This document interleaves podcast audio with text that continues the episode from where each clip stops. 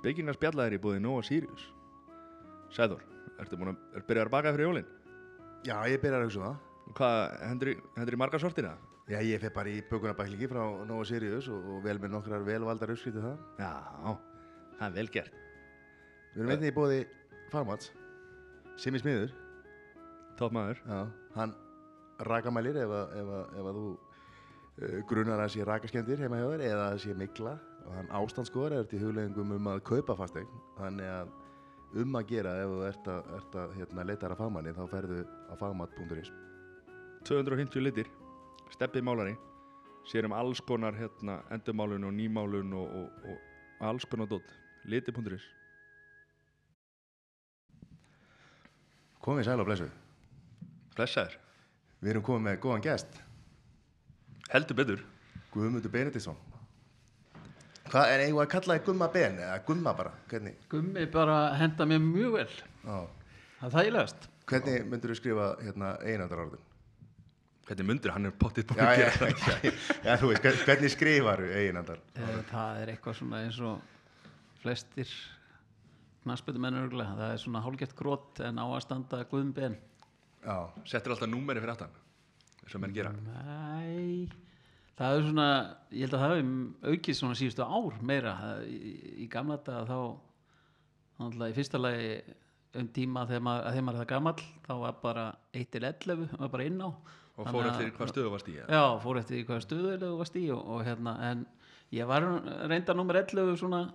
megin þóran af ferlinum og, og hérna, öruglega eintíðan slýsast til þess að setja það fyrir aftan en, en ekkert mjög oft held ég. nei, en hérna, þú, nú ertu, nú ertu, sko, mér skaman að spyrja menn sem að, sem að gera margt og mikið. Hvað, starfstitill, ef þú ert að skrifa eitt, eitt bara hérna eins og læknir eða, eða hjúkurnarkona eða, eða hjúkurnarfræðingu fyrir ekki því. Ekki kona Þetta er svona grifi og. Við skulum ekki detti þennan þessu ormagrifju en, en já, eh, eitthvað eitt starfseti í dag myndi ég líklega að segja íþróttalýsandi. Ég held að það sé svona það er svona mitt aðalstarf og en ég gerir nú ímislegt ég þykist vera sjómaskokkur stundum og,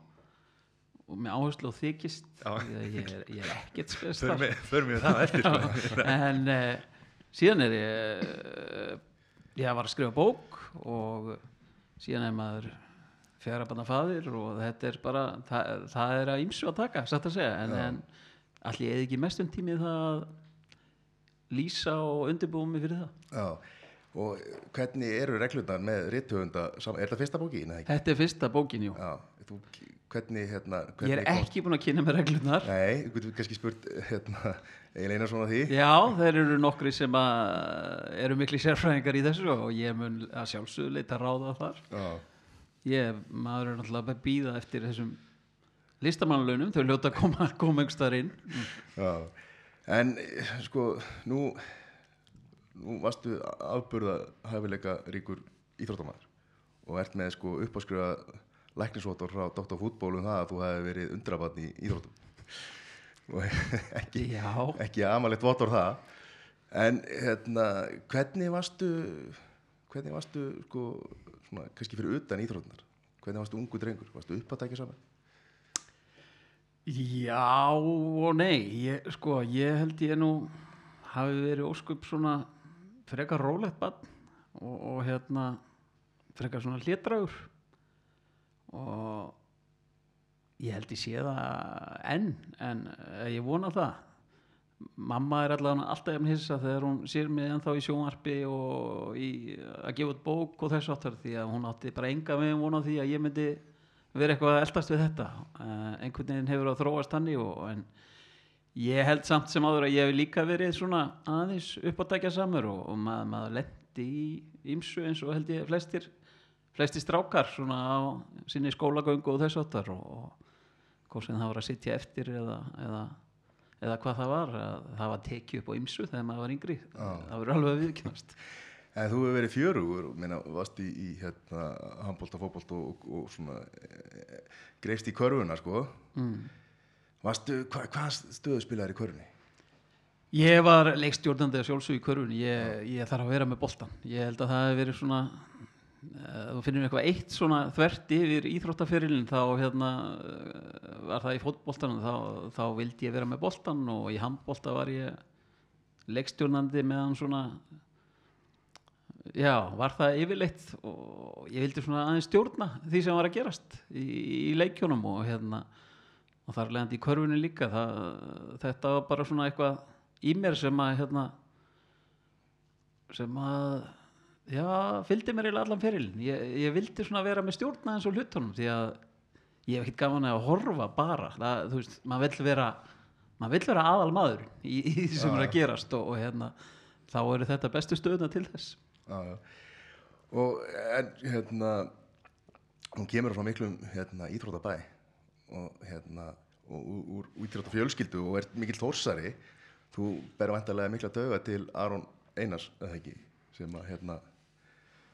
er, er hann ekki núna okkar, okkar fremsti þórsari í dag, eða? Ég held að sé alveg ótt að segja það og, og hérna það, þú getur talað við hvern, hvern sem er fyrir norðan að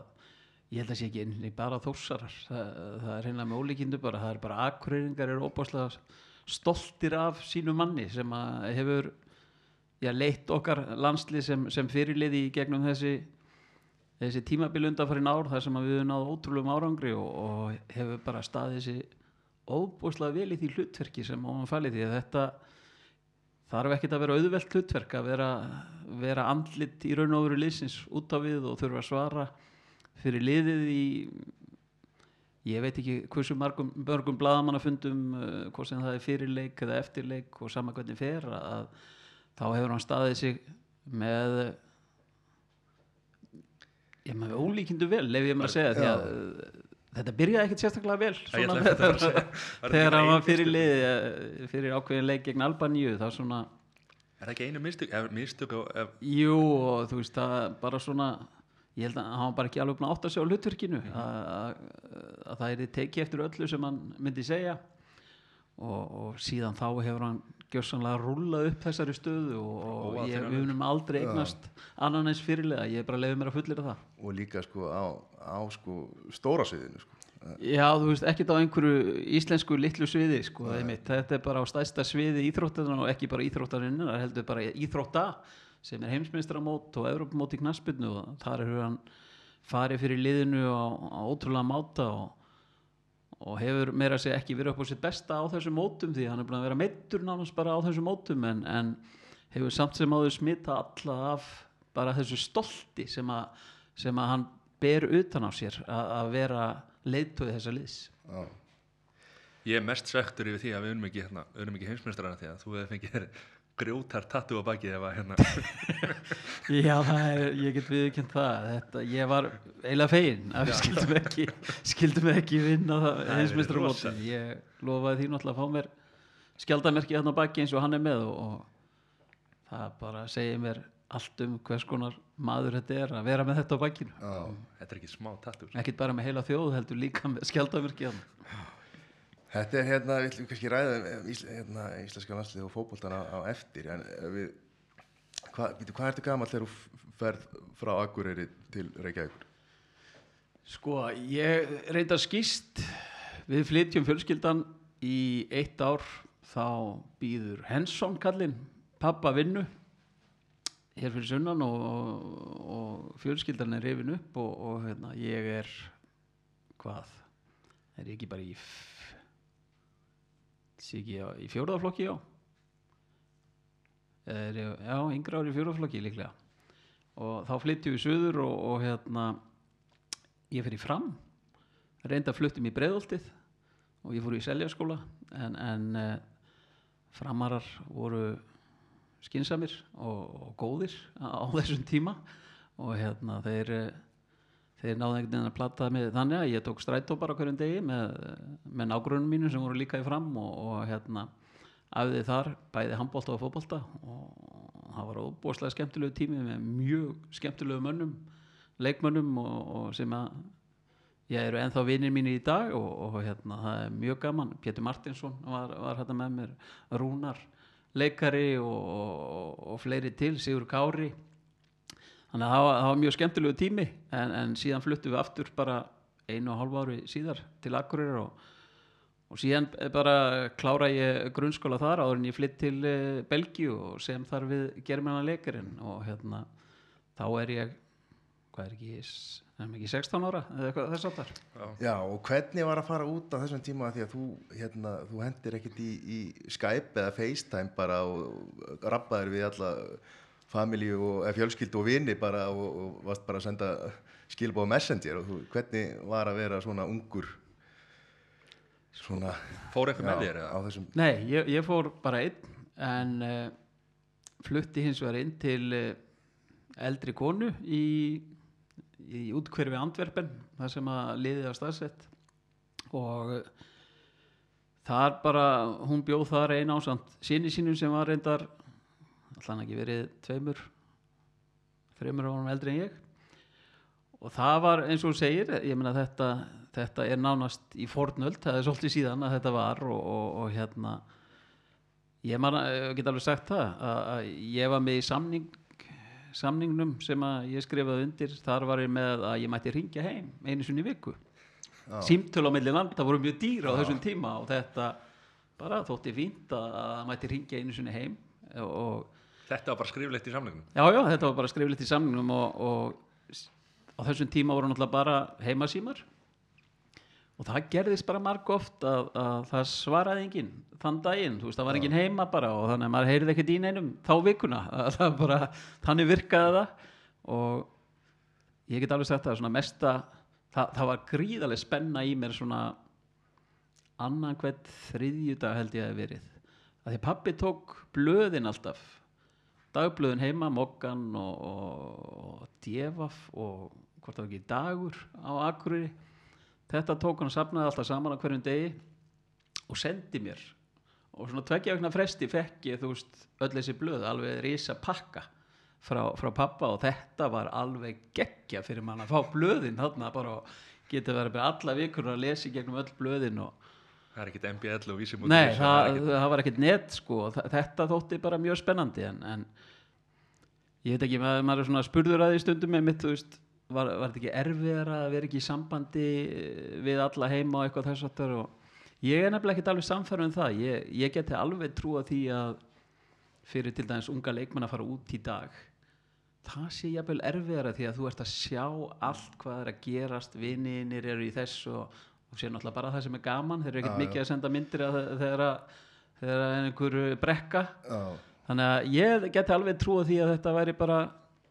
þetta var jafnvel bara hjálpað á þessum tíma maður væri ekkert að fylgjast með öllu sem var að gerast hjá, hjá vinum og, og, og þe- þess áttar og ég hef einhvern veginn alltaf verið þannig gerður að ég á mjög auðvelt að vera bara með sjálfa mér. Og líður bara mjög vel svona eiginlega í einrúmi. Lifur eftir, eftir sama lífsmáttu og ég ég er aldrei í betri félagskap en þegar ég er eitt með sjálf Já, ég, ég held að sé alveg ótt að segja það og hérna ég, ég myndi segja það ef ég, ef ég ætti að gefa einhverjum ráð þá, veist, þá held ég að það sé bara rosalega mikilvægt að að geta bara verið með sjálfum sér aðeins og bara aðeins að kvíla sig frá öllu, öllu öðru því að það er alveg nóg að gera í lífinu hjá öllum og, og þess vegna er óbúslega þægilegt að maður getur fundið sér bara tíma til þess að vera aðeins með, með sjálfum sér og, og hvort að ég var með það þegar ég var þarna eða hvort ég lærði það þarna bara. Að því að þetta er ótrúlega mikill og, og langu tími þar sem þú ert bara með sjálfu en þetta, þú veist, þegar þú ert atvinnum maður í knaspinnu og einn þá þá, þú ert að æfa fyrir hátti jú, það kemur fyrir einu sinni tvisar í viku kannski í mestarlagi eða sé eftir tvisvar og þú ert á æfingarsvæðinu allan daginn en annars ertu bara komin heim í hátteginu og það er ekkert mikið fyrir stafni sko, og það er bara mjög gott að geta verið með sjálfum sér og hvort sem það er að lesa eða,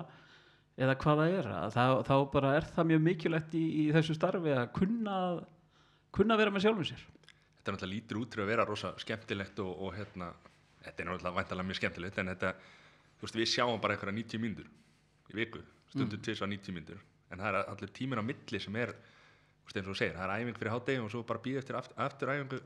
Já, og 24 tímur senna. Ég, ég, ég hef alltaf sagt það og, og þú veist, ég mun aldrei fara af þeirri skoðun að, að ég held að sé ekki til betra starfi í heiminum heldur en að vera atvinnum aður í knaspinu það er bara, þetta er ég, þú veist, þetta er draumur margra og, og, og sem betur fer fá, fá nokkuð margir að upplega þennan draum því að og, en mér finnst bara því miður stundum og fáir meta það að þeir sé að fá að vera vinna við þetta sem að er bara geggja starf. Spila fótbolta, ef þið finnst gaman að spila fótbolta og fá að vinna við það þá finnur ekkit betra starf í heiminn það er bara einn maður sem ég veit um og þú, þú sa, sagði mér frá honum. Hannes Halldórsson mm. sem að hérna kann að meta það alveg 110% að hvað hann er stattur í, í, lífinu. Já, og þú veist, það eru öruglega fleiri en ma maður finnur það bara þegar maður tala við Hannes að því að ég held að þetta við komið svolítið óvænt með Hannes ég held að hann hafi verið svona að gefa þetta frá sér líklega, þú veist, þegar hann var að spila með leikni og fram og, og hvert að, þú veist, og síðan var hann komin til K.R. reyndar sk- og ég held að hann var bara komin á þann aldur að ég held að hann hafi hugsað já, já, ég ætla bara að gera sem best úr þessu hér Í heima, og ekkert- meira, sko. Og, og, en þess vegna er svo gaman að tala við svona menn sem, að sem að virkilega meta þau upp á hvern einasta dag og þú veist, hann virkar stundum ég veit ekki hvort að barnalegu sé rétt á orðið en svona barnalega gladur og, og veist, það er svo einlægt hvað hann er gladur að fá að vinna við þetta.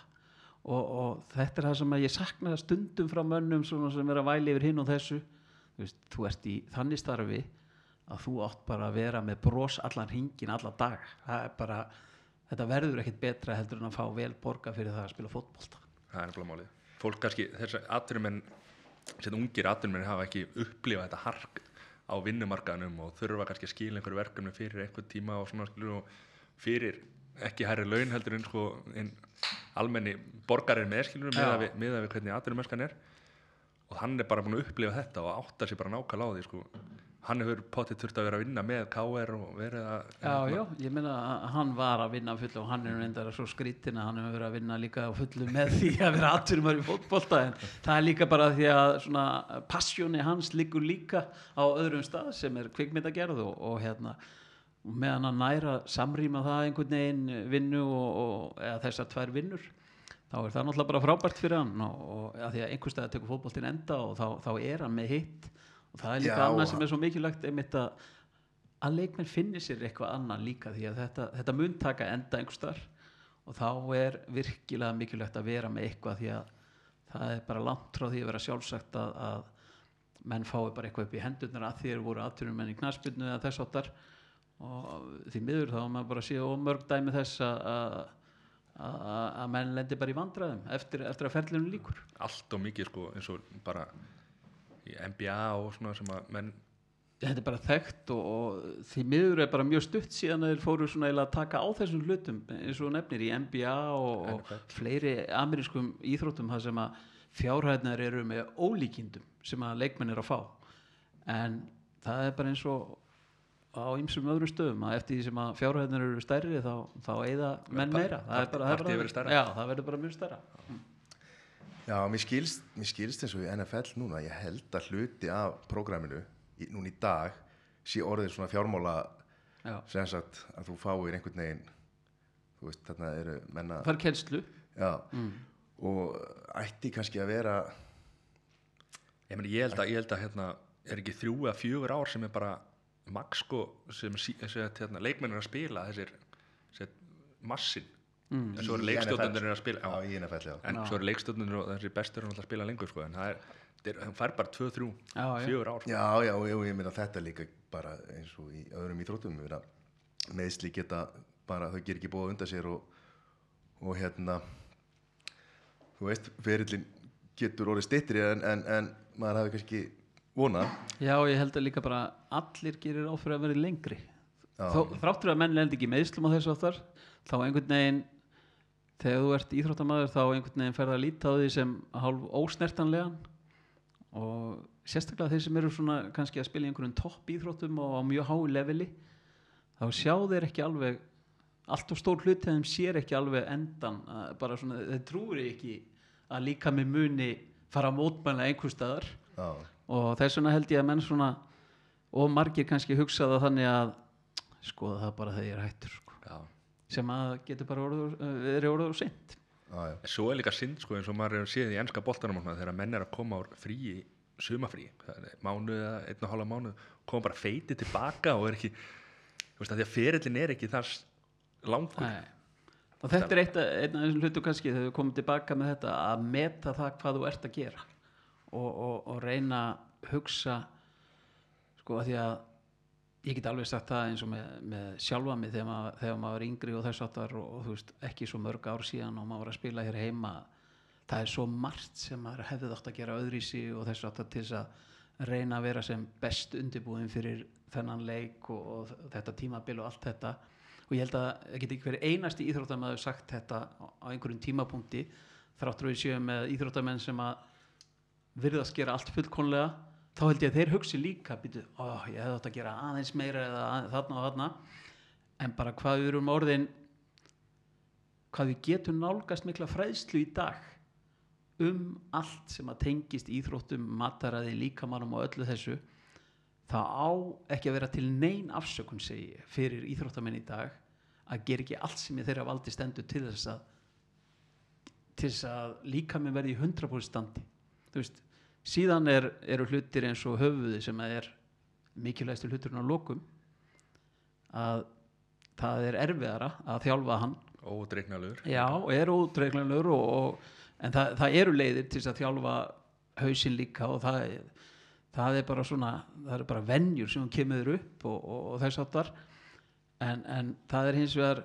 engin afsökun fyrir hínu segi ég að, að þú getur ekki gert allt sem í þínu valdi stendur til þess að, líka minn sé eins tilbúin í átöku eins og, og möguleikir á. Það er svona, þú veist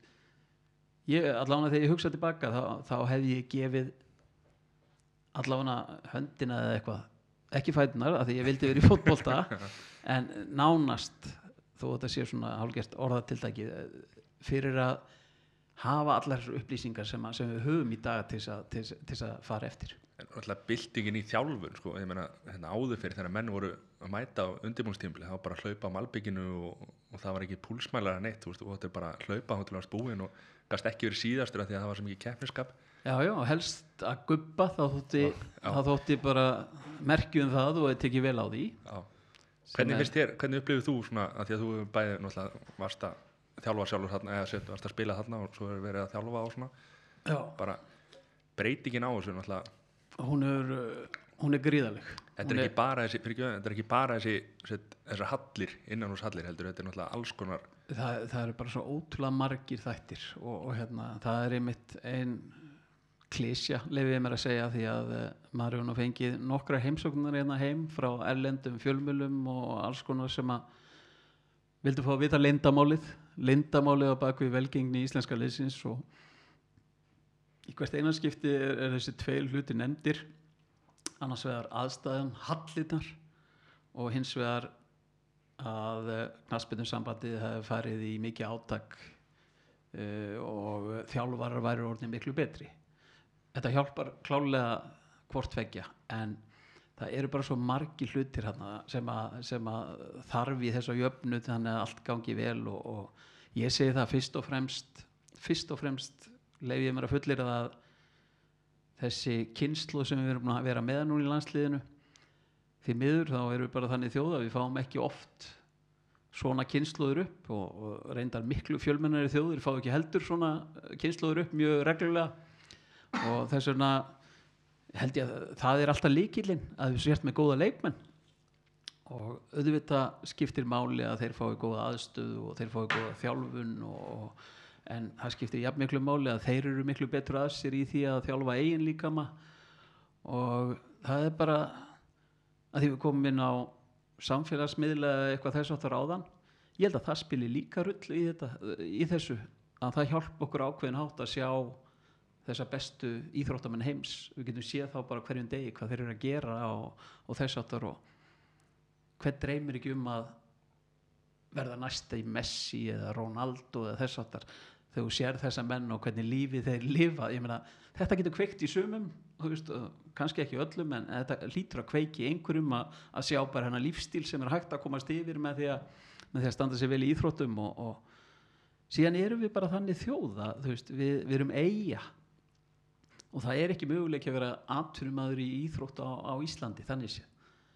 við getum kallað einhverju atvinnumenn en þeir eru ekki á launum sem að við getum sagt að, að það kallist atvinnumann á laun Eh, og þess vegna þú þarft að hafa svona þú þarft að hafa auka er þetta að segja auka hugafar. Ef- dræ, dræf Já, þú ert að hafa svona auka dræf og þetta er svona, ég, ég vil meina það að þetta er svona það sem við Íslendingur höfum að því að að ná þessum árangri sem við erum bara að ná í knaspjörnu og í, í handbólta í gegnum tíðina og, og bara við erum að sjá í öðrum íþróttum líka og sem að ég held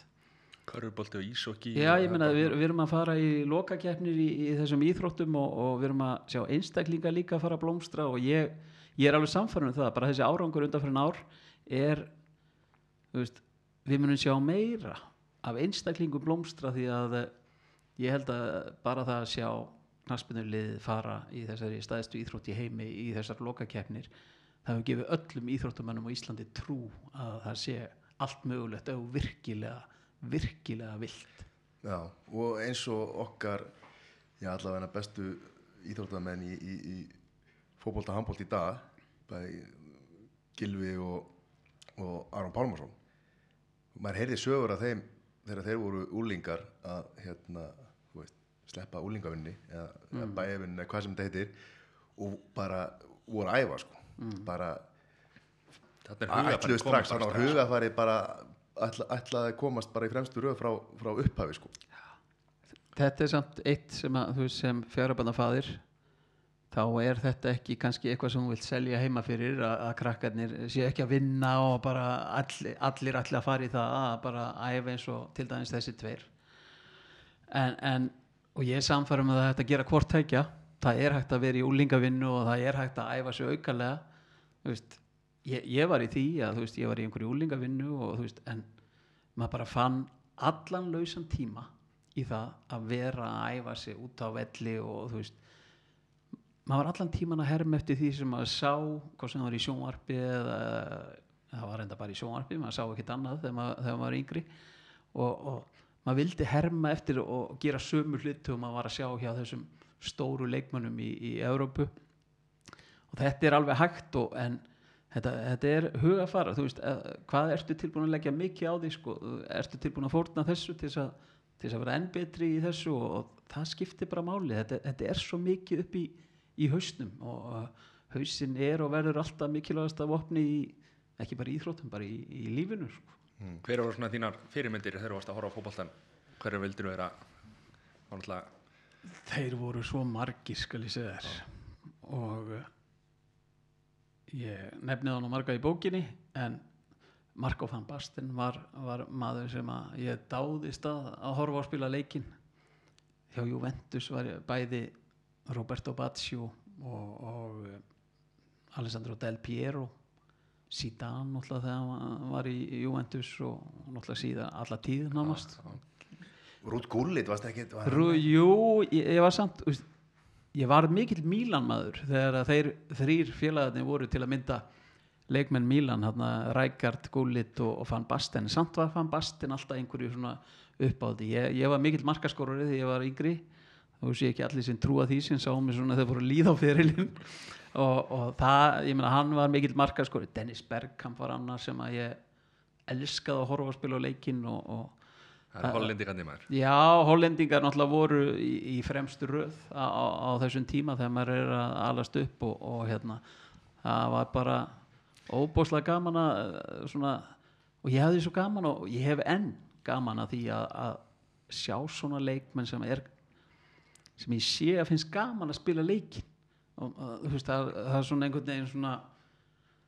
maður sér það utan á þeim hvað þeim finnst gaman að spila leikin og, og þetta er það sem að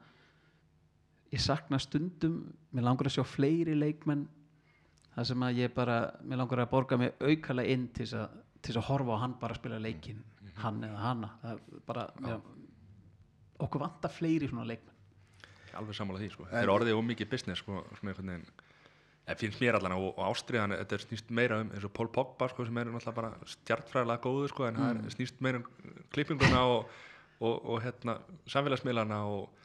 stundum Ég- langar manni bara að fara á hristan sko. já, já, ég held að þú sett öruglega ekki einn um það að vilja reista hann aðeins. En það er hluti, við við vorum að tala um eigin að sko að, að setja númeri sitt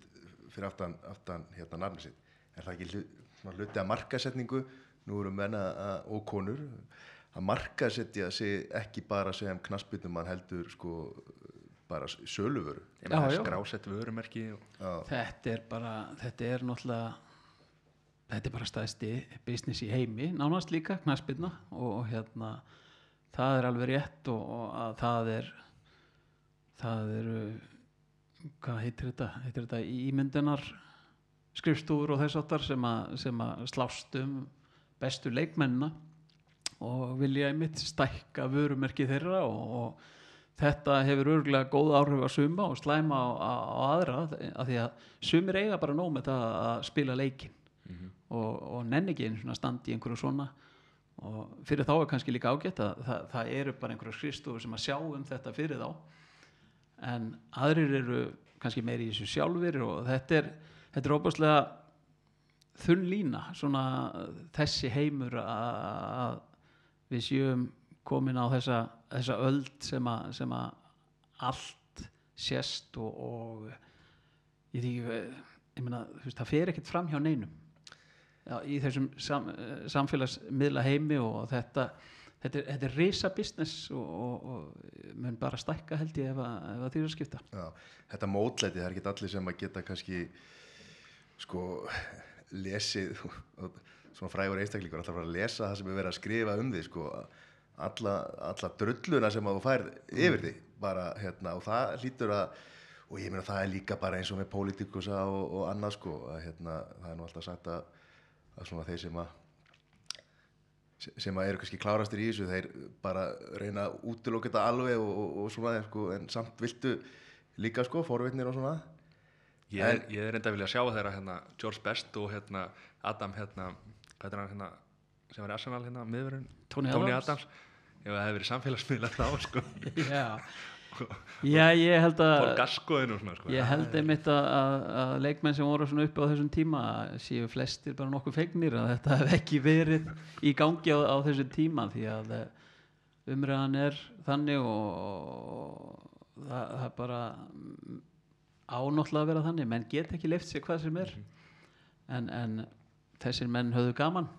Á, á einhvern hátt og ég myndi ég nú gassa lesið kannski aðeins og gaman. Já, að- allir að þeim held ég haft aðeins og gaman og ég, ég nú lesið hérna í mitt bókinans Tony Adams og það er með ólíkindum að sá maður hafi spilað á, á, á þessu leveli í, í ensku deildinni svona lengi með að við lifnaðin til daginn sem var í gangi og, og þetta er rétt ímyndaður í dag hvað hann er að hugsa það sem hann var að ræða á þann að ef ég hefði bara verið skinsamur í þessu og þessu og þessu hvernig, hvernig hefði ferillin verið þá? Og þá þurfti Tóni Adams líklega ekki að vera eldastu störf hér og þar í heiminum til þess að ennþá að sjá fyrir sér núna og, geti bara gert það sem hann langaði að gera. En ef fyrir aðeins tilbaka, og því við vorum að tala um sko unga knæspitumenn og, og konur og úlinga, það er náttúrulega ótrúlega sko mik mik mikið meira frambóð af bara eins og maður nefnir þessi tölvuleiki sem að hérna, sem að kannski ég skil ekki, ég spila lítið, en sko nú getur orðið atvinnum í tölvuleikjum sko. og hérna og það, þú veist, þú segir þú fóst út á mótnana og komst heima á kvöldin. Það er kannski ekkert svolis í, í dag að krakka fara, fara bara bara leið og, og vakna á lögatið þá eru farin út með boltan sinn og, og hérna koma heim síðan bara þegar mamma og pappi kalla. Ég sko uh, það, það er sem betur fyrr en þá til og, og maður, ég sé það, þú veist, ég á börn sem að, þú veist, ég á stelpur sem að eru ennþá tilbúin að gera þetta og, og það eru aðri krakkar sem að ég bý nú þarna nálat káurvellinum og það eru aðri krakkar sem æta þarna alveg og elska að fara bara í fótbolta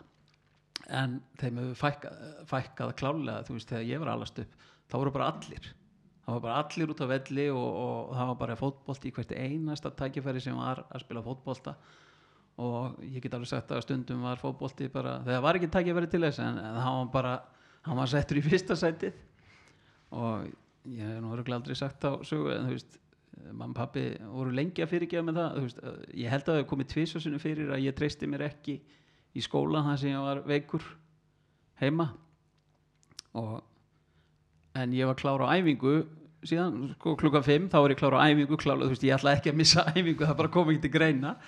Og ég man nú alltaf þau voru frekar ósátt við mig þarna en, en mér var fyrirgefa lokum og, og hérna ég var líka bara svolítið heppi með það uppeldi að maður fekk að gera hluti sem maður kannski teljast ekki alveg eðlir og þú veist, ég held ég að broti allt heima inn í stofu hjá, hjá mamma og pappa og mamma var sár í svona uh, sólarhing sko en, en það var aldrei stoppað alveg ég var í, í fótbolta eða handbolta heima sem að var þú veist, yfir vetratíman þá var maður að vera inn í stundum því að það var bara maður með snjó upp á mitti fyrir utan og það var ekki takt að vera í fótbolta en þá var bara settur upp leikur heima og þetta var bara var bara lífið, maður var bara í íþróttum allstar þar sem maður möguleiki var að, að gera eitthvað og stofa var völlur stóðan bara völlurinn og bara maður fann sér völl, bjósiti völl og, og við, mamma talar, maður bara var að tala um síðustu helgi að hún á enga svona verðmætt hluti lengur því að þeir fóru bara allir hann sko. Nei, já, sko, hvað ætli margir hérna, og Maggi og hérna Vasar þetta sem allir eiga hafi orðið fórnalömp hérna boltars. Já, hefur ekki verið að gefa alltaf jólagefi núna já, ég þarf eitthvað að fara að skoða þetta betur sko, hvað henni vantar nákvæmlega hvað, hún hefur greinlega verið í að þessu já, ég geti trúin að vera í að því henni vantaði eitthvað í stofuna En, sko, þú ert Íslandsmeistari, nei, 1999 og ert þá hérna besti, besti leikmaður og hérna og svo hérna á þess að að reykja það eitthvað eitthva mikið meira, þú ert þarna, ert í KR og fer síðan í, í Val og svo aftur í KR uh, og byrjar síðan þjálfun, hvernig hefur þú hugsað þér eitthvað meira með þjálfun? Já, ég er ég er eh, ég hugsa mjög reglu um það satt að segja. Ég, ég fór í þjálfun bara lagði skóna á hilluna hann 2009 og var eiginlega nánast ekki búin að leggja á hilluna þegar að Selfoss hafði samband og ég stökk á það. Selfoss var að koma upp í, í efstild í fyrsta skipti og mér þótti það mjög spennandi verkefni. Og ég fór í það og, og svona fór náttúrulega ekki eins og ég ætlaði mér eða, eða við ætluðum okkur og, og við fjallum hana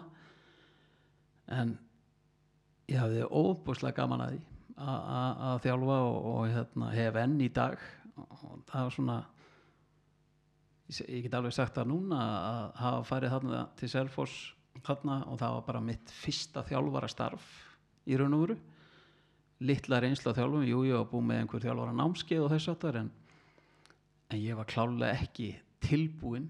á, á þeim tímapunkti að þjálfa liði efstild ég er alveg samfærun um það og ég, það er svo margt þegar maður hugsa tilbaka svona sem maður kannski sér eftir að hafa gert og ég vilja gera öðrís og þess aftar en óbúslega eh, læ- lærdómsríkt og, og hérna óbúslega gaman. Og ég var, ég var alveg drullu fúll að fá ekki að halda áfram með Selfoss eftir eftir að við fjallum en ég er nú reynda sem betur fyrir þannig að ég er fljótur að jafna mig eh, ef ég verði eitthvað fúll. Og eh,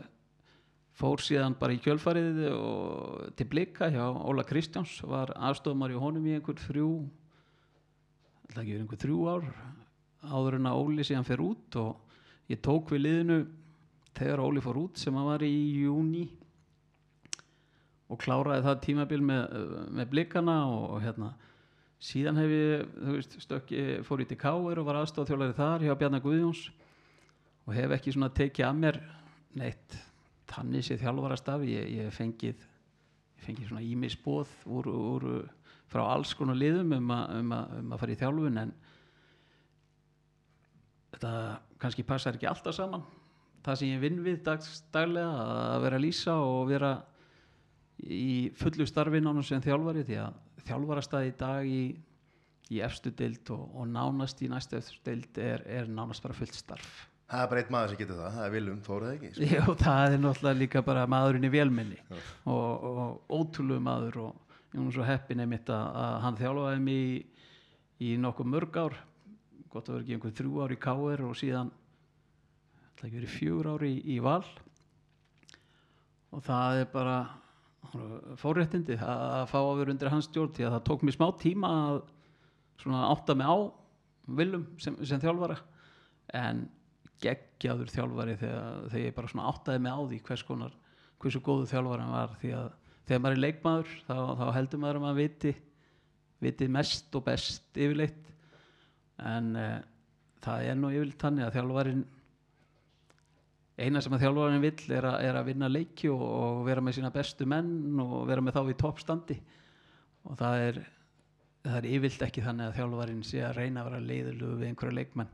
Því að eina sem að hjálpar þjálfara er að vinna leiki og þá reynir hann að stilla besta liðinu. Þetta svona lærið maður, að meta þegar maður kannski svona aðeins eldist því að ungir knassbytumenn og ekki bara knassbytumenn, bara íþróttamenn þeir eru svona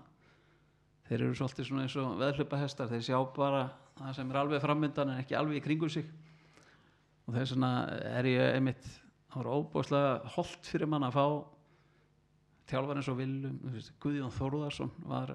fyrsti þjálfari minn í KR og, og var klálega bara besti þjálfar á Ísland á þeim tíma. Og þetta eru bara svona menn sem eru lært af í, í gegnum tíðina og ég er alveg samfæður með það að ég sé til dæmis miklu betri þjálfari núna heldur en ég var 2010 þegar ég tók mitt fyrsta starf. Og ég er alveg samfæður með það líka að einn góðan viðundag muniði sjá mig einhverstaðar á hliðalínu og, og að því að þetta er bara ég veit ekki, þetta er eitthvað í blóðinu. Það er svo gaman að fá að vera partur af einhverjum hóp sem að hittist á hverjum degi og vera að reyna að búa til eitthvað svona búa til líð af því að það er fátt skemmtilega heldur en að sjá góð líð saman og það er, það er ennþá í draumum mínum að vera að stjórna góðu liði og það, það kemur að því. Já, og þetta er, þetta er baktería því að maður sér sko, þjálfarar þeir bara þeir sækjast í að þjálfa sko þó að þeir séu kannski orðin eitthvað þreyttir og hvernig ganga illa en bara þú veist eins og segir að þeir þykjast hætta já, vera bara líka með leikmenn sem er auðvitað að leggja skóna á hilluna sko að, að bara þú veist þetta tómarúm að, sko þú veist þú ert að æfa sexinu viku þú veist alltaf alla daga og svo þú ert hættur að þá þú veist þá er bara stór hluti af af lífinu bara farin sko. Þú ert komið of mikinn frítíma einhvern veginn þegar, þegar þú ert hættur að, að þjálfa því að það er einhverju sem halda það til dæmis að, að þjálfari sé upptekinn í tvo tíma á dag meðan að æfingu stendur en, en þjálfari er með þetta í hausnum allan sólarhingin þú ert allan tíman að spá í það hvernig getum við orðið betri hvað þarf ég að gera hérna til þess að við bætum okkur hér og þar og þess að þar og, og þetta er bara 24 tíma starf á dag að vera að spá í þessu leikreina næsta anstæðing sko. skoða anstæðingin og, og skoða þittlið og þetta er bara þetta er endalust skemmtileg vinna hins vegar og, og hérna óbúslega skemmtilegt starf en, en óbúslega tímafrekt og, og óörugasta starf í heiminum því að það er á Íslandi þar er þar eru ekki margir þjálfara sem hún sér staldra lengi við. Og það er ekki til að mynda í afstild er, er ekkit gefin tími á það að byggja upp lið eða þess aftar og, og við erum að flýta okkur mikið eh, sem að er alveg að skilja á vissan hátt. En þjálfarar eh, í dag fá bara samt og lítinn tíma til þess að setja sitt mark á liðið og, og, og kannski kannski er þjálfurum líka aðeins um að kenna því að það er svona veriðist vera eins og þjálfarar sætti sig við það að skrifundi samninga það sem er hægt að segja um upp á hverju hausti. Þráttur að það sé tilkynnt á einhverjum hugulugum bladamannafundi hér og þar að hér sé búið að gera þryggjára samning við þennan þjálfara eða fjárara samning. Að ef að liðinu gengur illa þá er bara einhver klásúla í samningnum á, haust, á hverju hausti um það að leiðir skilji. Já. og þetta er svo leiðilegt að því að þá kannski strax á fyrsta ári þá, þá missa þjálfarar bara svona aðeins sjónar og því hvað þeir, hvernig þjálfarar þeir eru og hvað þá langar að gera með liðið sitt að því þetta snýst allt um það að ná í úslit strax í staðins að geta gefið sér eitt, tvö ár til þess að verða besta lið á Íslandi eftir þrjú ár ef að, ef að það er planið eða þess áttar Já og kannski líka vandamálar að hugsa þetta aðeins lengra. Þú veist að því nú eins og allt íþróttalega á Íslandi byggist allt á sjálfbóðavinum og allar stjórnir og allt þetta þetta er allt hérna þú veist það bara stjórnin getur bara hætt á einu bretti og það er konið nýji menn og, og, og hérna þeir vilja annan mann. Já, þannig að það er kannski líka þó að sé nú, maður heyrir alltaf, alltaf sögur um, um það er alltaf, hérna, alltaf einhver svona alltaf einhver, einhverju menn sem eru mikið í þessu og búin að vera lengi og, og gangi öll sko, en þá er þetta líka svona kannski líka svolítið hvað maður að segja, rið eða hræringar í,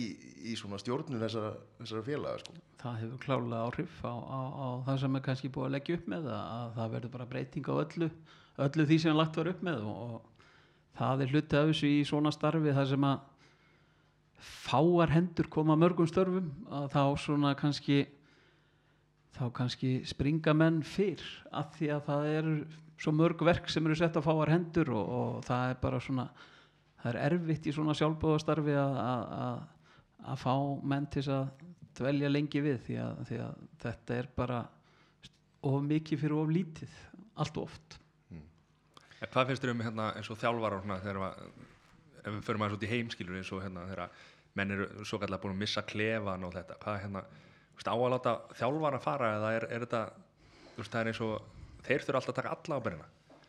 Já, ekki, það, það er sko það er náttúrulega er Þetta er stór spurning. Já, þetta er mjög stór spurning og, en það er náttúrulega bara þannig að það er óbúslega erfitt fyrir lið að, allar lossi við stóran hóp leikmanna sem að, sem að kannski er óanað með þjálfaran eða, þe- eða þess áttar og, og þess vegna er þetta yfirleitt niðurstaðan að, að þjálfarin er látt taka bóka sinn og, og hérna sem að maður, ver- maður verður nú eiginlega bara svona að skilja og ég veit ekki, þetta er þetta, þetta orðatiltæki að þjálfari sé búin að missa klefan ég held að þetta sé svolítið ofnotað að, að það er sko, hver einasti íþróttamaður hefur áhugað því bara að honum gangi vel og liðinu hans gangi vel. Og að svona fulleringar marg ofta að, leikmenn sé ekki að leggja sér fram fyrir þjálfaran, það er engin leikmaður að spila fyrir þjálfaran sinn það eru allir í þessu fyrir sig og sitt félag og þess vegna finnst mér að það er svona hálf skríti alltaf að vera að leggja upp mikið með það að það sé eitthvað svona, já, hann er búin að missa þeir eru, þeir eru hættir að spila fyrir hann. Það er bara í íþróttum eins og í lífinu þá, þá kom, þá, þá er þetta öldudalur og það er bara veist, stundum bara ganga hlutinir ekki upp og, og það endar yfir með því að þjálfurinn láti fara. En það er ekki út af einhverju einni ástæðu eða annari, það er, svona, það er svo margi þætti sem þurfa að vera í lægi þannig að þú sért með frábært lið og það gangi vel öllum stundum og, og ég held að að það sé bara ósangjart að, segja það um leikmenn eitthvað að þeir séu ekki að, að spila fyrir þjálfaran sinn eða, eða þess aftar og það er svona ég veit ekki við bara svona dettur í hug að þú sért svona kannski að í að Manchester United. Það er svona, fyrsta sem er dettur í hug. Og þú veist ég held að efist enginn um það að, að Jose Mourinho og hann hefur sínt okkur það núna bara í ég verða 15 ára þar fer eitt fremsti þjálfari heimsins. Og hann er að fara í gegnum erfiða tíma en hann tók við liði sem að var á mjög erfiðum stað. Og hvort að hann sé rétti maðurinn ég er ekkit sjálfur alveg samfærum um það en, en að að kenna honum að henda honum fyrir fyrir rútuna þú veist það það eru leikmenn hann sem er að gera miklu betur og ég held að við ekkert með Mourinho að gera þeir eru ekki að gera betur. Það er bara þeir eru bara ekki alveg rétt stiltir einhvern veginn og gerir svona með suma leikmenn sem að sem að koma á stað þar sem að lífið verður of þægilegt. Sumir kannski fá of mikið pening og veist og það er bara fullt af fólki og, og bara mannlegt held ég að fólk sem að fær bara svo mikla peninga að það veit að það þarf ekki að gera handag Mhm. nokkuð tíman aftur þannig séð. Að þetta, þú veist, þetta hefur áhrif á því, þú veist. Þú ert eitthvað ómennskur ef þetta hefur ekki áhrif á því að þú hugsar þú svona slappar aðeins af. Já, ok, frá- frábært sko. og þa- þú þarf bara að vera ekstra sterkur til að geta haldið áfram að mótuverið og, og það er ástæðan til að mynda fyrir því að Lionel Messi og Cristiano Ronaldo þeirra verður alltaf minn sem tveggja fremstu íþróttamönnum bara mannkynnsugunar því að ég held við um aldrei hvorki fyrr og jafnvel aldrei aftur munum við sjá leikmenn á þessu kaliberi halda þessum standart í svona langan tíma þrátt fyrir að þeir eru geta hægt báðir fyrir sko 7 til 10 árum á þess að þurfa áhugjur af neinu. Peningalega er ég þá að tala um ekki nema spænski skattur í COVID Já, ekki nema að hann fara að trubla á eitthvað meira en, en þetta er í alvöru sko, þetta er, þú ert að vera gríðalega sterkur til þess að, ráða þetta og ég hef kannski ekki sagt það mjög víða en þetta er svona sem ég hef líka svona kannski þó þess ekki nákvæmlega sama en stundum hef ég svona hugsað um það með íslenska leikmenn. Því að íslenski leikmenn, íslenski krakkar og sama hvað fólk segir þá höfum við það býsna gott á Íslandi. Og ég held að við sjáum, við sjáum ótrúlega marga stráka til að mynda að fara að snemma út og, og þeir koma aftur heim. Það er svona mótlæti svona, við erum ekki að fara að spila nú eða mikið og eitthvað svona og það er mér finnst of snemma stundum bara gefist upp. Aðja, hann fer bara heim og, og í staðan fyrir að að menn veist, þeir hafa kannski ekki fengið mikið mótlæti á Íslandi af því að við höfum það bara bísna gott. Og þess vegna er ég svolítið hrættur um það að við munum kannski aldrei eignast íþróttamann sem verður bara bestur í heiminum. Af því að flestir íþróttamenn sem eru svona bestu, bestu íþróttamenn í heimi þeir eru þurft að gangi í gegnum ótrúleitt mótlæti kannski og, og þurftu bara að velja sko, allar að vera íþróttamaður eða allar að vera glæpamaður eða bara búa einhversta, vera húsnæðislaust þarna. Og þetta ég er svona ég er svolítið stundur hrættur um það að við munum ekki eignast þess að topp, topp, topp íþróttamenn að því að við höfum það við höfum það bísna gott á Íslandi. Já, eins og margir knarsbundumenn sem að koma bara úr örbið og, og hérna þú veist já, Það- þú getur bara úr talið til að mynda brasilíska knarspyndumenn ég held þú getur ef þú skoðar fremstu brasilísku knarspyndumenn í gegnum árin þá getur þú talið á einum fingri þann leikmann sem að kom úr frá til að mynda ríku fólki eða þess áttar sem, að- sem að kallast kannski ríkt fólki í Brasil Já. hinnir koma bara göttunni og þeir bara hafa þennan vilja til þess að vera ekki á göttunni og fara og þegar þeir byrja að kynnast í það gangi vel og þeir hafa líka þetta sem að þarf til þennan sterka haus til þess að, til þess að vilja alltaf fara lengra og lengra og lengra því að vil ekki fara tilbaka sko. Nei, þeir hafa engan á að fara tilbaka þeir eru búin að kynnast því og hafa engan áhuga að koma þanga aftur og þess vegna er svo stert að þeir hafi þetta í haustnum að bara þráttur við séu komin ákveðin stall þá vilja þeir fara lengra, lengra og lengra því að þeir bara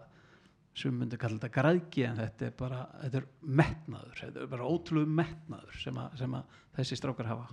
en talandi um unga menn í atvinnum sko. þú vart nú sonuð þinn er í, í hérna, er að spila. Já, já, hvernig hérna hvernig finnst þér munurinn á þegar þú fórst út og eins og þegar hann fór út fyrst og svona, hvernig hérna þetta er náttúrulega allt öðru sér tímar, fórstu með honum eða, Nei, ég bara gerði það nákvæmlega sama og ég lendi að við hann fór einn til, til Herenvin þegar hann kláraði grunnskóla þá, þá fór, var tekinn svo ákvörðin að fara til Herenvin í, í Hollandi. Og þar bara voru okkur fóruldrunum kynntir nokkri kostir með fósturfjölskyldur og að lokum völdu bara eina fjölskyldu og, og hann bjó hjá þeim. Og bara bóðslega gott fólk sem að hérna, sem að sá bara vel um hann og, og þar var hann í, í tvö ár. Þá hann að PSVF keftan frá, frá Herrenvinn og var náttúrulega bara í þessum úlingabolta á Herrenvinn og, og fer yfir til PSVF þar sem hann þar sem hann var fyrsta ári svona í úlingabolta eða spila svona með U19 ára liði og síðan síðustu tvö tíðanbili verið að spila eða var hann að spila með varaliði PSV sem er í næst eftir dild í Hollandi. Og síðan félagskipti í sumar þegar hann var seldur til til Ansetta Alkmaar og, og hérna þar er hann búinn að taka þátt í öllum leikjum frá því, frá því hann kom og hérna líður bara vel og, og planið er náttúrulega bara að bæta sig með, með hverjum deginum og, og maður svona reynir að allavega En hvernig er það, má hann bara ringja einu sinni í viku heima? Hann má og, og nefnilega stundu svarar ekki bara eins og ég ég, sett ekki heima. ég nefnilega, hann er ekki búin að fatta þetta ennþá en ég svara hann bara einu sinni í viku. Hann ringir oftar en, en, nei, nei, það er náttúrulega eins og við vorum bara höfum rætt hérna fyrir í, í, í þessu að þetta, tæknin er bara önnur og hann getur verið að tala við alla daglega og, og það er bara held ég að honum líði bara býsna vel með það að, að geta verið í sambandi við fjölskyldu sína og alla vinni og þetta er þrátt fyrir að þetta sé og ég sagði áðan, þú veist, þetta er besta starfi heimi en veist, þetta er ekkit veistla alla daga sko, það er bara eins og það er. Það er upp og niður í þessu og þegar þú ert ekki að spila og finnst þú ekki verið að fá tækifæri sem þú átt skilið og þess áttar að þetta er eiginlega bara átt að í hausnum á þér að, að, að halda samt áfram og, og hérna það er það sem maður reynir svona að hjálpa honum með það að því að ungum knaspinum finnst lífið oft mjög ósengjart að, að, að þeir skilja ekki alveg þjálfarana og það er líka bara alveg skiljanlegt því að það er yfirlt mikill munur, aldursmunur á, á þjálfurum og leikmönnum, ungum leikmönnum og þannig að það, þetta er bara, þú veist, eiginlega vinna en, en stóra plani er bara að verða betri með hverjum deginum og, og ég ha- hann hefur svo sannlega hæfilegan til þess að verða betri með hverjum deginum og ég held að hann sé bara á fínum stað í dag til þess að taka næstu skref og, og, og hérna treyst honum fullkomlega til þess að, að, að ég bara ná því besta úr því sem að, að hann getur gert. Já. Er, er, er stundum erfitt að, að hérna svona fyrir, fyrir því að skipta er ekki of mikið að hlutunum? Svona alltaf að reyna re- reyna að stjórna eins og gamli miðumæðurinn sko ég ég, ég geti alveg trúa því að ég sé ekkit ofbáslega auðveldur í- svona í hans skarð því að ég ég ég hef búin að sjá hann spila fótbolta frá því að hann var smákrakki og, og ég veit alveg hvað hvaða hæfileika hann hefur og hvað býr í honum og þess vegna ger ég kannski meiri kröfur á hann en, en, en,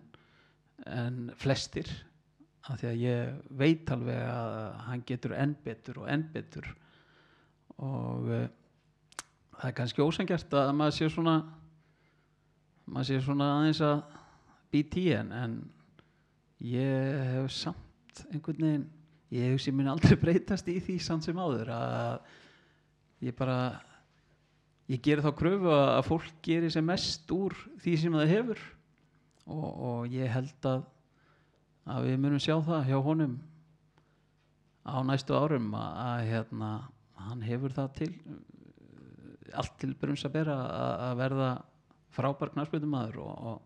en það eru klálega ennþá hluti sem hann þarf að laga og þess aftur og ég reyna honum á það það, veist, það er að sjálfsögðu tekið misjaflega í það stundum og við erum ekkert sammála með, með alla hluti en, en ég held að hann átti sig á því einn góðan veðudag að eina sem ég hef áhuga á er hann verði enn betri í fótbolta og ég ekki ég er ekki í þessu til að vera leiðilugur eða þess áttar og finnst leiðileg bara, mér finnst leiðindi leiðileg og ég motto. já, ég nenn ekki einhverjum leiðindum og, og, en er, jú, reglulega bendunum á hluti sem ég tel að mætti betur fara og ég held að það sé mjög stutt í að hann fari að hann taka marka á mér og þá sjáum við þá verður gaman. En þetta er náttúrulega ómetalegt fyrir hann að, hérna, þú ert náttúrulega búin að upplifa þetta sjálfur skilur og þekkir þetta alveg þó að þetta getur verið pirrandi fyrir hann náttúrulega pappi gamli sé alltaf eitthvað að skipta sér að þessu en þá Já, er þetta já, ég, ég ætla ekki að segja ég sé að skipta mér, skipta mér að þessu alla daga, veist, ég, ég, ég sé leikina sem hann spila. Ég sé ekki æfingar hjá honum og, og hérna ég ég segi mitt álit á, leikjónum sem, sem ég sé hann spila og, og hérna síðan ræðu við það eins og, og hérna og ef þess þar þá legg ég til að hann reyna að breyta þessu við hinn þess áttar en, ég, vonandi er það bara rétt hjá þér að það sé e- eigi allan eftir að reynast honum vel að, að hafa einhvern sem hefur gengið í gegnum þetta og hérna þekkir til þó að þó að það hefur verið mun stittra en ég ætlaði mér og, og þess að þá þá ætlaði ég mér að vera bestur í heimi og þegar ég tala við Albert þá, þá heyri ég ekki annað en að það sé sömu plön og, og, já, þannig að þá, þá ætli ég bara þá ætli ég að halda áfram að vera stundum pyrrandi til þess að reyna honum í, í, í þeirri vegferð. En hérna, nú eru lendið að lýsa leikið með honum, hvernig hérna, það er skrítin upplifun eða ekki? Ertu ekkert að hugsa það, þú náttúrulega hugsa alltaf þetta sé Já, ég hugsa, ég hugsa það það sé einhverstaðarna en, en það er ekki trubla mig hinga til og hérna ég veit ekki, maður er- það er kannski hefni að sé í íslenska landsliðinu því að þegar maður er að lýsa íslenska landsliðinu þá þá er maður í fullum rétti til þess að halda með íslenska landsliðinu. Já, þetta var í flóknara held ég ef ég var að lýsa honum í ennsku úrastildinni og þar verður maður að vera aðeins hlutlaus. Og þannig að þetta hefur, ég held þetta sé ekkert að trubla, þú veist auðvitað geta komið upp atvik þar sem að þar sem að hann skorar eða skorar sjálfsmark eða klikkar á, ví- þú veist, klikkar á víti eða hvað það er, færur eitt spjald. Og ég get ekkert fullirt um það hvað muni gerast hjá lýsendanum þá sko því að það ég eh, bara sem lýsandi þú veist þá þú, þú getur ekki æft neitt svona þú veist ég, ég elska fótbolta og, og, og hérna það mun eitthvað koma sem að ég ræði ekki við Já. sko, þú veist, maður er, þegar maður er að lýsa svona einhverju að þá þá fer maður svona inn í einhverja bólu einhvern smá trans og maður veit ekkert alveg hvað maður er að fara að segja næst eða hvað maður sagði og ég veit ekki. Það, Það er ég hugsa að verði bara gaman ef eitthvað þessu gerist sko. Mm. -hmm. vona að verði eitthvað þessu góða ekki sé að klikka á viti eða, eitthvað, eða skora sjálfsmark eða fara raut Það er náttúrulega ástæðan okkur er alveg frábært að hlusta á þig sko að því að þú segir oft bara það sem að þú ert að hugsa náttúrulega og, og ferði í eitthvað transkilur já, trans, er það kannski vant að segja það en, já það, er, það er gott orð sko. Það er ég, menna það er ég held að það sé alveg punktur að það er bara svona stundum stundum hugsa ég að það sé enginn að hlusta. Já, og ég, eins og ég sé svona að spjalla svolítið við sjálfa mig. Það er svona einhvern veginn ég er einhvern veginn stundum í þannig fíling einhvern veginn þegar ég er að lýsa leikjum og, og maður átt að segja ekkert á því fyrir kannski bara eftir á að, að, að hérna hvaða hluti maður að segja og, já, og ég reyndar er einhvern veginn þannig ég man, ég man óbúslega lítið sko. Og, og þú veist ég man ekki hvað ég var að segja þarna eða hvernig leikurinn fór sem ég var að lýsa í gær sko. Þú veist að þetta er bara en þess- með, með hvað lið heldur í enska? ég held með Manchester United. Það skýn nefnilega ekki í gegn þeirra hérna, það skýn stundum í gegn þeirra aðrir að lýsa með hvað lið er haldar sko, en þú nærði alveg að fela það alveg mjög vel. Já, sko, ég, ég held samt með fótbolta. Veist, fyrst og fremst ég, ég elska bara að horfa á góða leikmenn og góðan fótbolta Þa, það finnst mér langskemmtilegast og, og þú veist, United ég, ég byrjaði mjög ungur að halda með Manchester United og hérna, það var svona meira á vorkun heldur en öðru, því að allir vinnir mínir á svipum aldrei halda með Liverpool Já.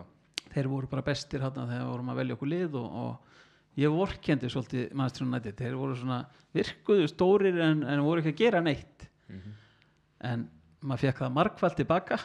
Sí, síðan meir og maður hefur náða að stríða vinnum sínum í Liverpool mjög, mjög lengi.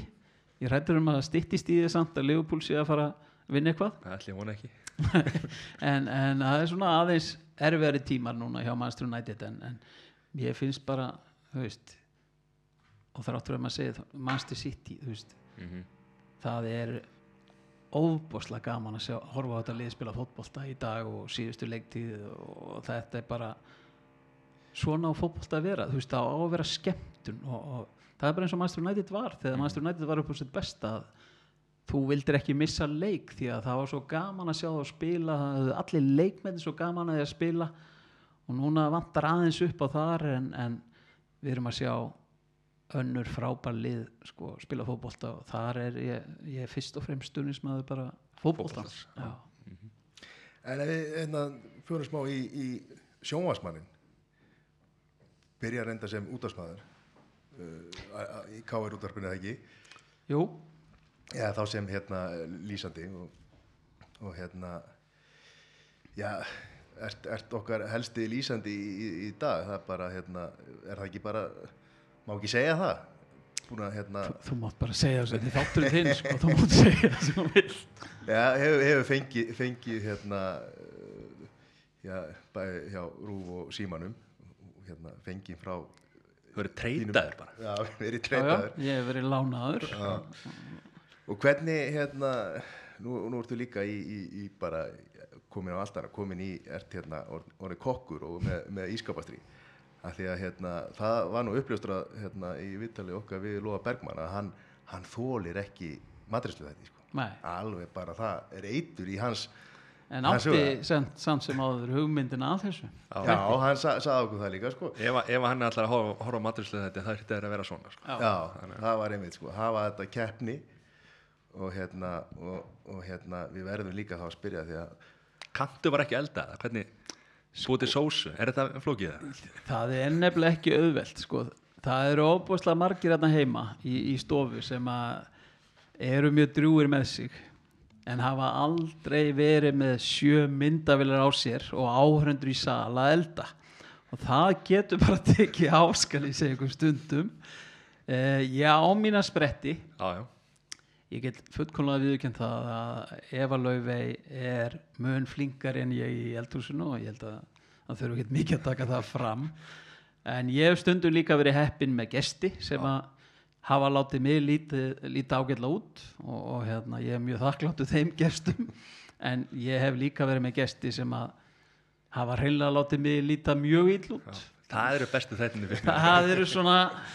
já, fyrir kannski áhórundur en, en eh, kannski líður mér ekkert sérstaklega vel þar. Uh, við, en ég hef haft mjög gaman að þessu. Þetta er, veist, þetta er bara allt annað. Þetta er alveg vel út fyrir bóksið sem maður er búin að vera í, núna í, í einhver 14 ára eða svo. Svo að ég byrjaði að lýsa og bara búin að vera í því alveg heilengi og þess vegna fannst mér bara óbúslega gaman að prófa eitthvað nýtt og, og þetta hefur bara tekist ágætlega til ja. allavega verist fólk hafa mjög gaman að þessu og þegar að maður er náttúrulega búin að gleyma svolítið sem knassbyttumæður hjá yngri kynsluðinu og maður lendir í því trekk í trekk að- vera að helsa krökkum sem að helsa manni sem gumma ben úr ískapastriði sko, sem, sem er mjög aðteglisvert en, en, en ég hef haft mjög gaman að því og bara rétt að geta þess ég held að sé á miðgudaginn núna í næstu viku sem að fyrsti þátturinn í, í nýri serju er. Ég verða ég verða að lauma því að, Að að. Þetta, minn, bara, minn liðsfélag í, í þessum fyrsta þætti er Eiður Smári Guðjónsson. Já, það verður Guð vissi. hjálp okkur Já. segi, segi ég nú bara. Gott að svepp er ekki með Evu í, í, í liði í þeim þætti. En það skýr- mjög aðtilsverðu þáttur. Já, það skýn nefnilega svo mikið gegn hvað ég hafi gaman að þessu og, og set, stemmingin væntalega í salnum og, og í hérna, krúinu og svona. Já, það er bara hárétt og, og hérna, það er líka eitt við þetta svona að, að þegar ég hef nú ekki ég hef nú ekki gert marga þætti svona með með áhörundur í sal. Mm en það getur alveg bara breytt aldrei stemmingu þegar að það sé svona smá kliður og læti og klapp og, og hleyið og þess áttar og það getur alveg svona kveikt aðeins í stemmingunni og það er bara, eh, þó ég segi sjálfur það, þá hefur það tekist ótrúlega vel til að, að svona ná upp stemming í salnum og, og næra smittast líka bara svona heim í stofu. Þarna sést líka hvernig keppnismæður og, og stemning, stemningsmæður þú ert. Þú ætla, talar við salin og reynir að fá Já, maður reynir að fá þau með sér í lið af því að maður, maður finnur að maður er svona maður er einhvern veginn vanhæfur í eldhúsinu oft og þá þarf maður að reyna að fá einhverja hjálp annar staða frá og hérna sem íþróttamæður þá fekk maður kannski frá liðsfjölugum þegar maður var ekki alveg upp á sitt besta en þarna er stundum þarf maður að leita eins út fyrir Mhm. upp í stúku til þess að, til þess að fá stöðning og hérna það tekist ágætlega stundum mm. En ég ætla nú ekki að, ég ætla að leiða mér að fullir að þú og Eiður hafi nú örglega betra tíma á vellinum heldur en í eldursunni. Á þess að segja á mikið um þennan þátt, þá er svarið við því já. Það þarf ekkit, það þarf ekkit mörgu blöðum það að flétta ekki. Sko. En, en hérna, þú hefur líka hérna, gert, verið með, hérna, varst náttúrulega með uppbyturina fyrir, hérna, var, varst, var það ekki bæði fyrir, hérna, EMHM? varst ekki hérna uh, fyrir Alltaf stærri HM. fyrir HM Já. Náttúrulega- og hérna, ertu er ertu að spá í einhverju kannski fleiri eða meiri dagskrákjær kannski svona utan íþrótta? Sko það er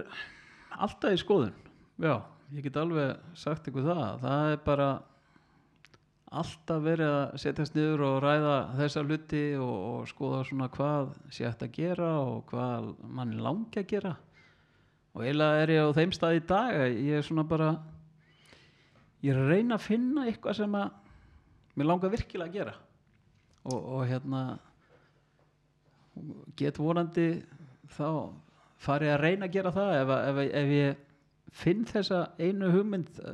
ég bara get alveg sagt það í hinskilin ég er bara svona búin að reyka eins um undarfarið að reyna að leita að einhverju einu sem ég langar virkilega að gera og, og tek bara við hugmyndum ef, að- ef að það eru einhverjar þá, þá er ég opið fyrir hugmyndum. Nú hefur verið með hérna spurninga, íþróta spurninga þætti, sko, hann fer ekki að taka spurningabombuna af loga hann að Já, ég, að hann var látið ég, ætla að leifa, ég ætla að leifa loga eiga, eiga bara bombuna, hann getur poppað hennu upp á símanum ef, að- ef, að- ef að því er að skipta. En uh, það er rétt, það er rétt muna sko, mannstu, spurninga það er mannstu þeir er- eru skemmtilegir. Já, ég er mjög gaman að því. Og einmitt, þar, þar var ég með lögfræðing í, í liði með mér því að Sigurvin Ólafsson Mhm. fyrir um knæspindu kappi og, og góður vinnur og, og nágranni ja, hann samti alla spurningar í, í, í því að ég kalla nú límheilan. Þið þurfum að vera það eða ekki lögfræðingar? Límheilar hálgerðir þannig að ég nota, nota hann í því og hann, hann er geggjaður í því. Já. en hérna þú ég, veit ekki, ég, ta, er að tala alltaf mikið um loga en hann, hann hérna, var- við vorum að tala um skemmtilegan golfþátt sem hann var með þegar við hérna þegar við spiluðu erlendis og, og tóku svona spjall á vellinu sko. Hann sagði að veri flestir mjög góða gólarar já, Já. en svo var hann eitthvað var, sko, ja, Allir nema eitt hann, vildi, þetta. hann vildi meina að þú væri mjög góður en, en, en væri kannski með sérstakann stíl eða Já, sko, hvernig, er- golfar ertu Ég er sko ég er ekki frábær gólfari bara langt í frá uh, eina ástæðan fyrir því samt að ég er ekki frábær gólfari er það að ég spila nánast ekkert golf. Ég er alveg samfærum um það að ég geti orðið frábær gólfari og hérna Logi fekk að finna fyrir því og hann er ennþá svolítið súr eftir þessa viku sem við áttum saman á Spáni með, með Latta að ég vann hann náttúrulega þessa viku. Og, og, og ég reyndi að fá Sigurvin. Ég bara Sigurvin ákvað að fara með út og þannig að við tókum líka keppni. Við, við Latta og Loga ungi gamlir eins og, eins og tíðkast. Og, og við unnum þá í því líka.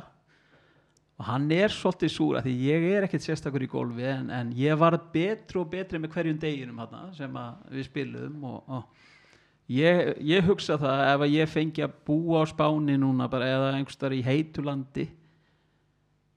í eitt ár þá er ég geggjaðu golfari bara þess að ég geti spila golf á hverjum einasta degi. Því að þetta er náttúrulega bara eins og eða allt annað, þetta er æfing og ég er alveg með smá ég er með svona touch í þetta. Kannski langt í frá að vera með besta stílin en hann getur virkað og, og ég held að einn daginn þegar ég fæ þetta árengstar ég að æfa mig þá, þá að ég nenni allt og lítið í golf á Íslandi. Ég treyst ekki veðrin á Íslandi til þess að fara í golf. Og ég hef ég elska samt að fara í golf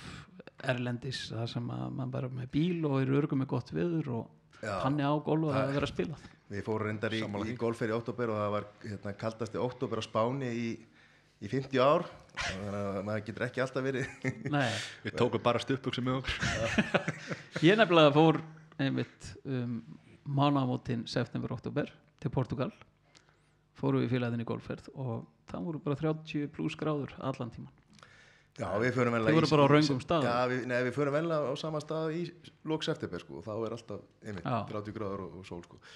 og það er ekki sama íþróttin að spila í stupuksum eða spila í hérna, einhverju, hérna, þryggjala sker með, með hérna, Svo ferðu kannski út í, í sólskinni og, og inn í rigningu sko. Já, hérna heima sko.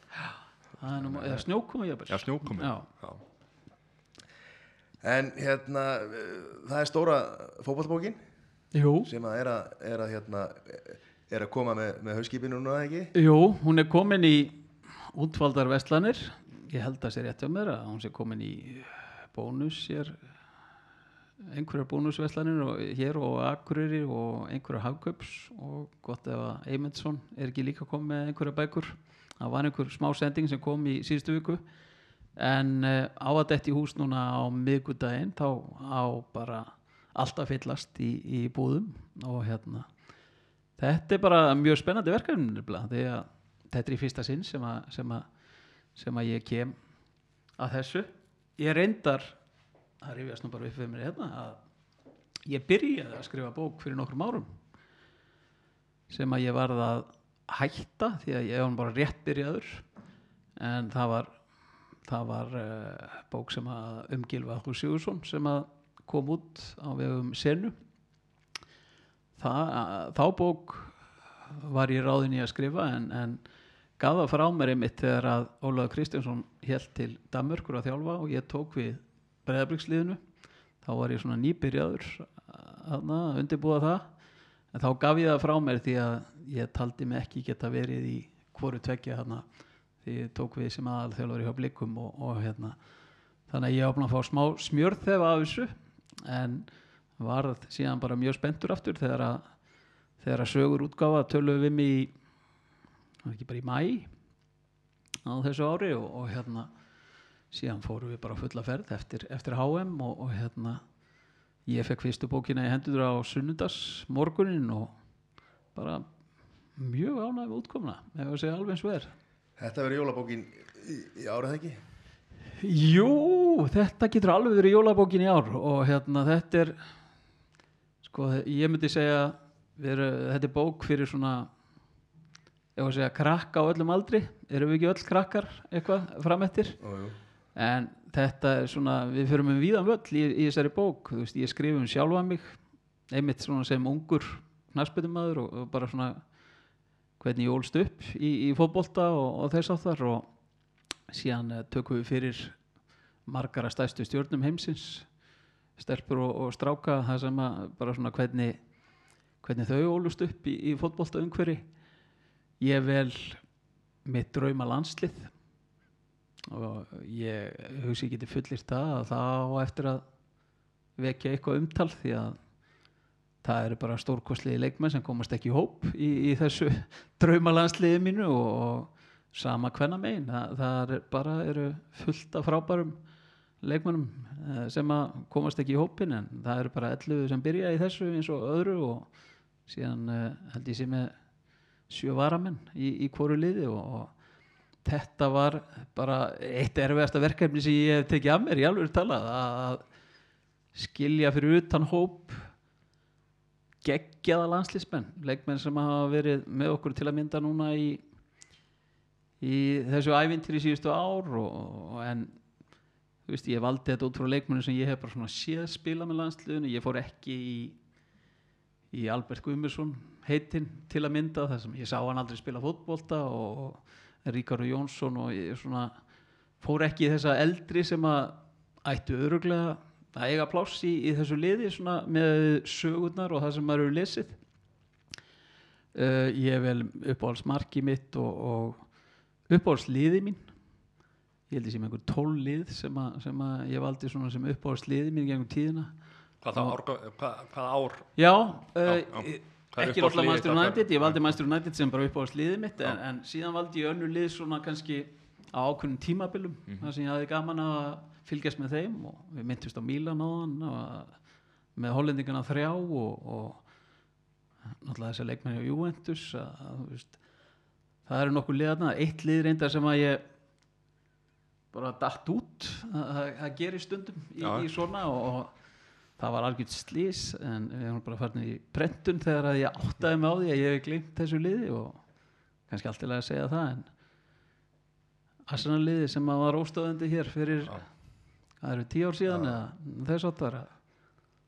það bara, datt- það bara Bara það blokkraðist einhvern veginn hjá mér. Já, við bara komum en það var í hérna- næsta hefti.